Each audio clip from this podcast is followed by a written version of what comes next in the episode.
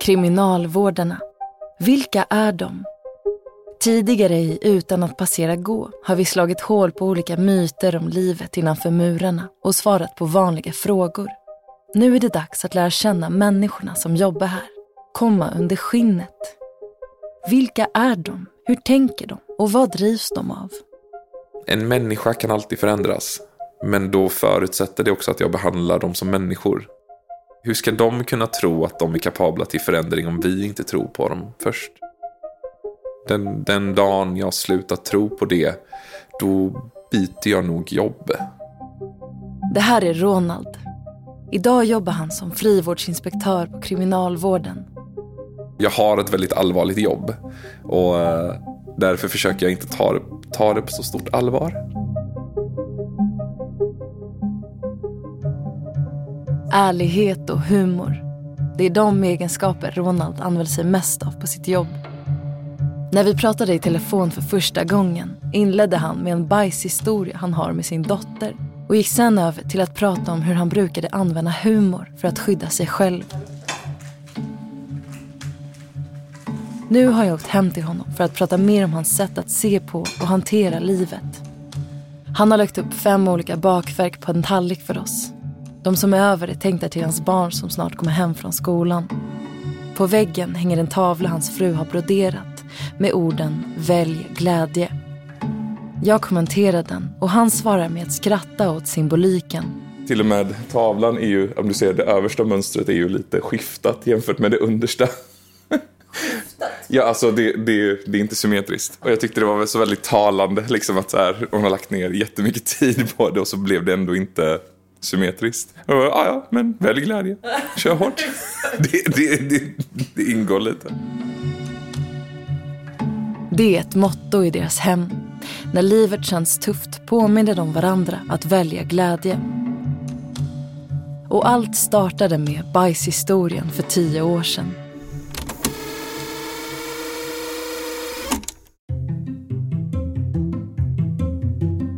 Ronald och hans fru har fått deras första barn och sömn är inte någonting de är välbekanta med.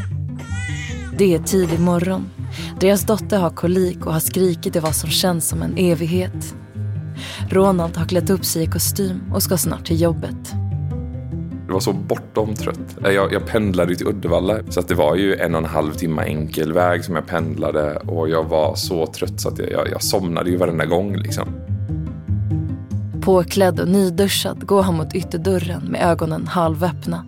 Han tittar ner på sin skjorta och ser en brun fläck. Jag hade skit på skjortan. Hur det hamnat där har han ingen aning om och han orkar inte ens bry sig. Det var, det var en blandning mellan jag kommer falla i gråt eller jag ger upp livet. Liksom. Eh, det var bara så, nej men jag, jag, jag orkar inte mer. Jag, jag, vill inte. Ville lägga mig i ett litet hörn, gråta, sjukskriva mig och tycka synd om mig själv. Ronald vänder sig mot sin fru, helt förtvivlad. Hon tittar på honom, skrattar och säger välj glädje. Och jag ville döda henne med gröten. Det, ja, alltså, det, det var bara att börja skratta. Det finns inte så mycket mer jag kan göra. Och så skrattar vi. Och det var väldigt härligt att kunna skratta åt det det är liksom en väldigt tydlig liksom, ljuspunkt mitt i liksom allt den här alla måsten och all ångest och all eh, liksom, ny. Jag har inte aning vad fan jag gör. Mitt barn skriker konstant och bara liksom, ja, det här är sjukt. Föräldralivet och relationen till sin fru har varit en stor del av Ronalds utveckling som person. De värnar båda om att reflektera över sina beteenden och göra det bästa de kan. Och i relationen hjälper de varandra att utvecklas. Nej, men alltså, det, det är min frus sämsta egenskap i att hon har rätt eh, så ofta som hon har. Det är eh, otroligt jobbigt att leva med. Hon är ju väldigt duktig på alltså, att alltså, hålla upp en spegel. Liksom. Alltså, eh, I våra samtal så eh, tvingas jag liksom stanna upp och reflektera. Vi pratar mycket om att titta inåt och villighet till förändring. Det är nämligen så att Ronald har inte alltid varit medveten om sig själv och sina handlingar. Som barn var han timid och tyst. Den som satt i ett hörn och läste. Men när han sökte sig till universitet fick han en chans att återuppfinna sig själv. Jag skäms ju lite grann för den personen jag var då. För att det är ju, det är ganska långt ifrån den jag är nu. Jag var ganska kaxig, försökte alltid liksom show off. Då hade jag inga som helst problem att hålla monologer. Jag kunde vara, äta upp all syre i rummet. Jag hade ju en, en persona, alltså en, en person jag låtsades vara. Eh, som inte var den jag egentligen är. Och där och då funkar hans persona bra med festandet och studentlivet. Han får folk att skratta och använder humor som ett skydd. Men det kommer inte dröja länge till. Det är sommar och Ronald och hans studentkår är på en ö för en festivalhelg med andra studentkårer. Där får han upp ögonen för en tjej. Men han ser att hon är där med en dejt och det är han också. Men kemin mellan dem går inte att missa och efter den helgen håller de kontakten. Båda har ganska nyligen kommit ur längre relationer och vill ha en förutsättningslös relation.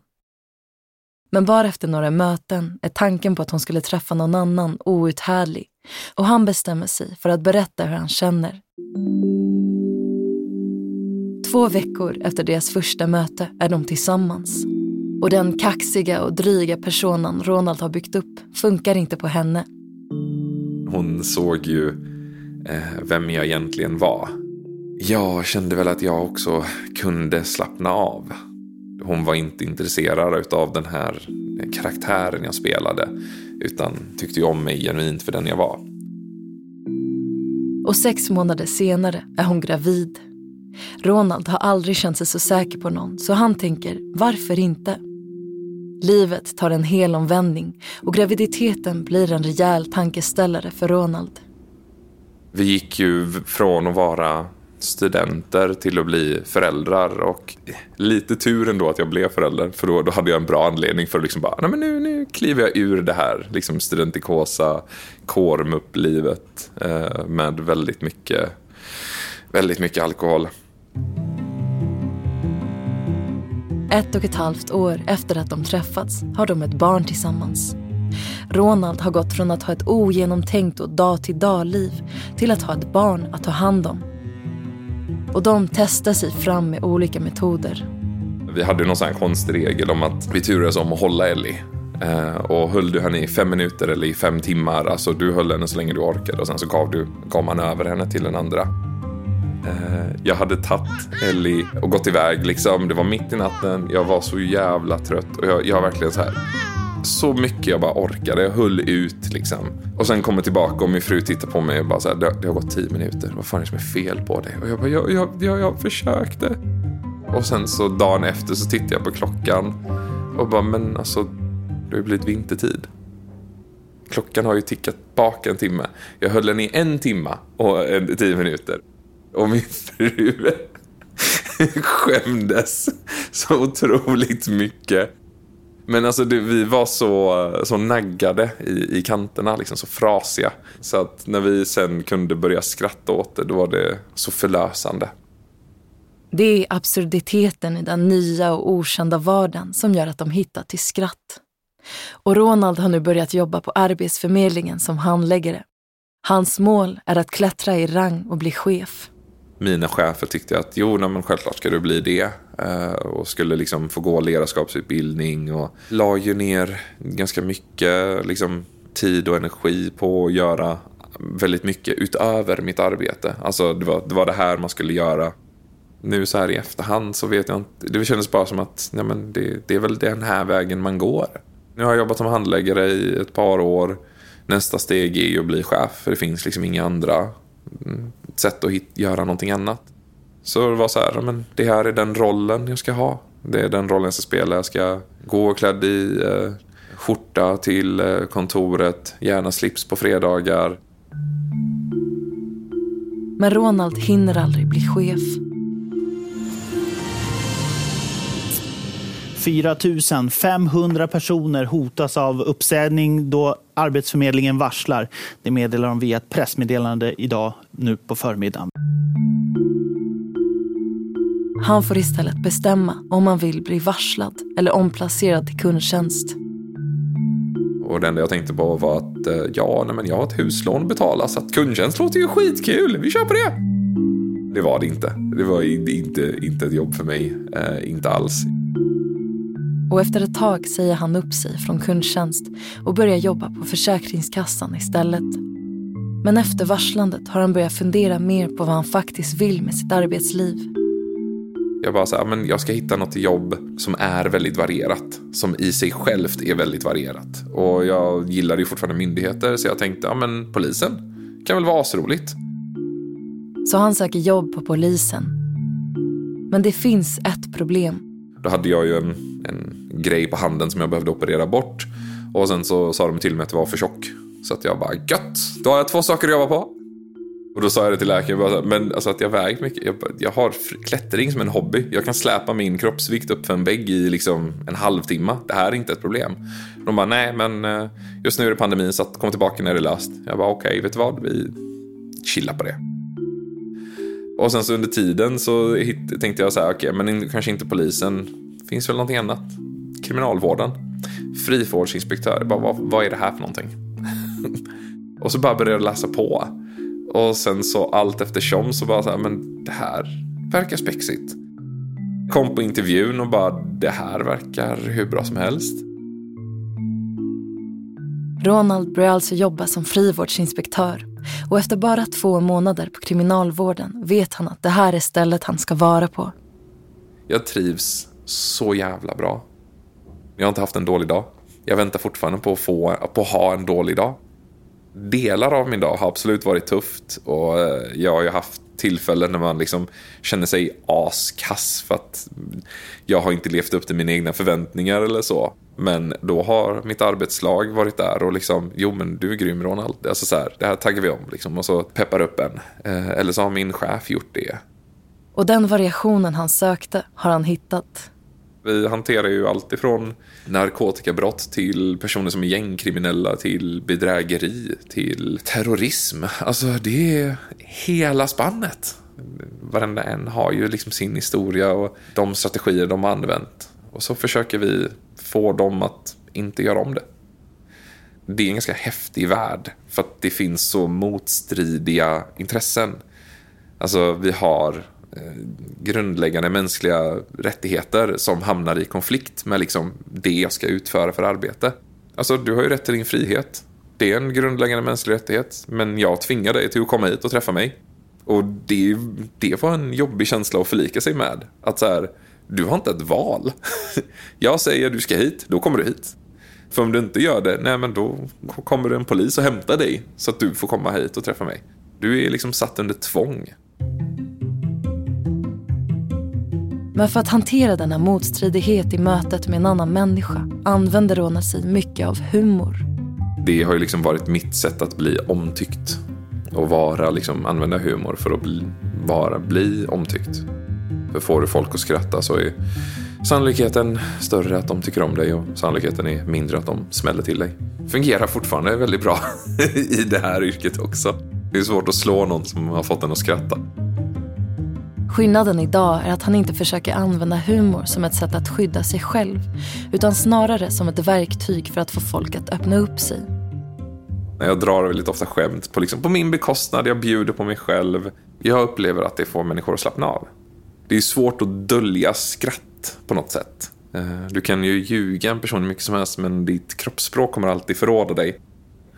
Eh, jag hade någon, en ung kille som var, eh, skulle vara så himla ångerfull över att han hade tabbat sig. Och du vet, han satt där och blickade ut i tomma intet och låtsades vara så ångestladdad. Och jag drog i skämt och han kunde inte hålla sig utan han började skratta. Liksom. Alltså, och det var så här, men kan du sluta? alltså jag ser ju på dig, du skrattar ju. Det är inte så att du är liksom så pass fylld av ångest att du inte klarar av att föra ett samtal för att du ler.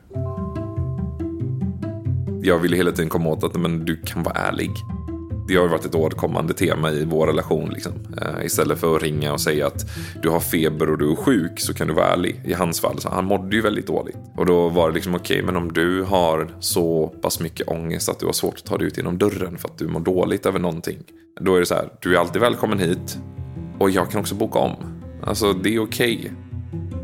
Det börjar landa mer och mer att mitt jobb handlar bara få personer att reflektera. Få dem att ta till sig den förändring oftast de själva vill nå upp till. De vill ju själv dit. Hjälpa dem att vara de personerna de vill vara. Och om det är en sak Ronald vet är det hur det känns att inte vara den personen man vill. Du, du har ju personen du vill vara och sen personen du, du är. Och skillnaden däremellan skapar ju liksom en viss dissonans. Ehm, och då använder man ju väldigt ofta liksom rationaliseringar kring varför man inte är den man vill vara. Och det är ju något som jag konstant jobbar med. Alltså det är ju jobbigt att vända blicken inåt. Det är ju svårt att handskas med den här dissonansen som jag sa. Alltså att inse att nej, nej, jag, jag är inte den jag vill egentligen vara. Jag har bara ljugit för mig själv. För att det är lättare någonstans. Det är den dissonansen Ronald insåg och blev medveten om när han gifte sig och skaffade barn. Ingen är duktigare på att ta mig på det än min fru.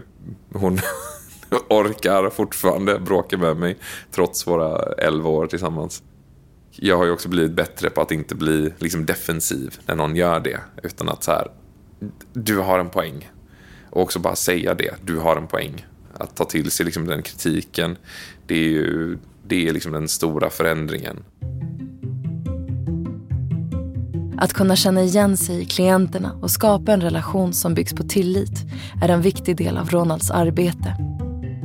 Det är ju en förutsättning för att göra jobbet. Eh, att humanisera klienterna. Eh, för att, jag menar, en människa kan alltid förändras.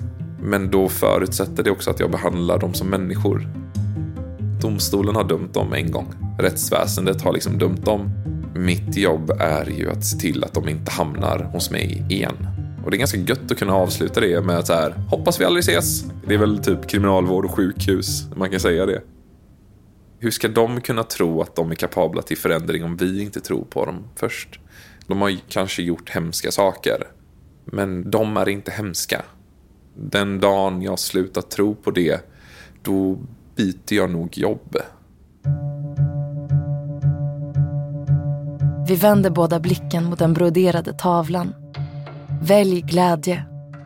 De orden påminns Ronald om både i sitt hem och på sitt jobb och han försöker leva efter dem så mycket som möjligt. Jag har ett väldigt allvarligt jobb och eh, därför försöker jag inte ta det, ta det på så stort allvar. Försöker vara eh, lekfull. Jag har haft klienter där jag sitter och jag spelar schack med. Det är byråkratiskt och väldigt allvarsam. Liksom. Det är en del av rättskedjan. Ja, fast då kanske man ska ta, ta det andra på större allvar. Alltså det är viktigare att vara lekfulla och eh, ta tillvara på det där mänskliga. Du har lyssnat på Utan att passera gå, en podd från Kriminalvården. Det här var Ronalds berättelse och jag heter Maud Fällbom. I nästa avsnitt. Jag hann inte mycket mer än att eh, lukta på korken innan jag var tillbaka på sjukhuset. Lyssna på Flykten från Lenita, en berättelse om att få syn på sig själv. Så fort jag skulle börja titta på mig själv så vart jag så jäkla rädd och drog.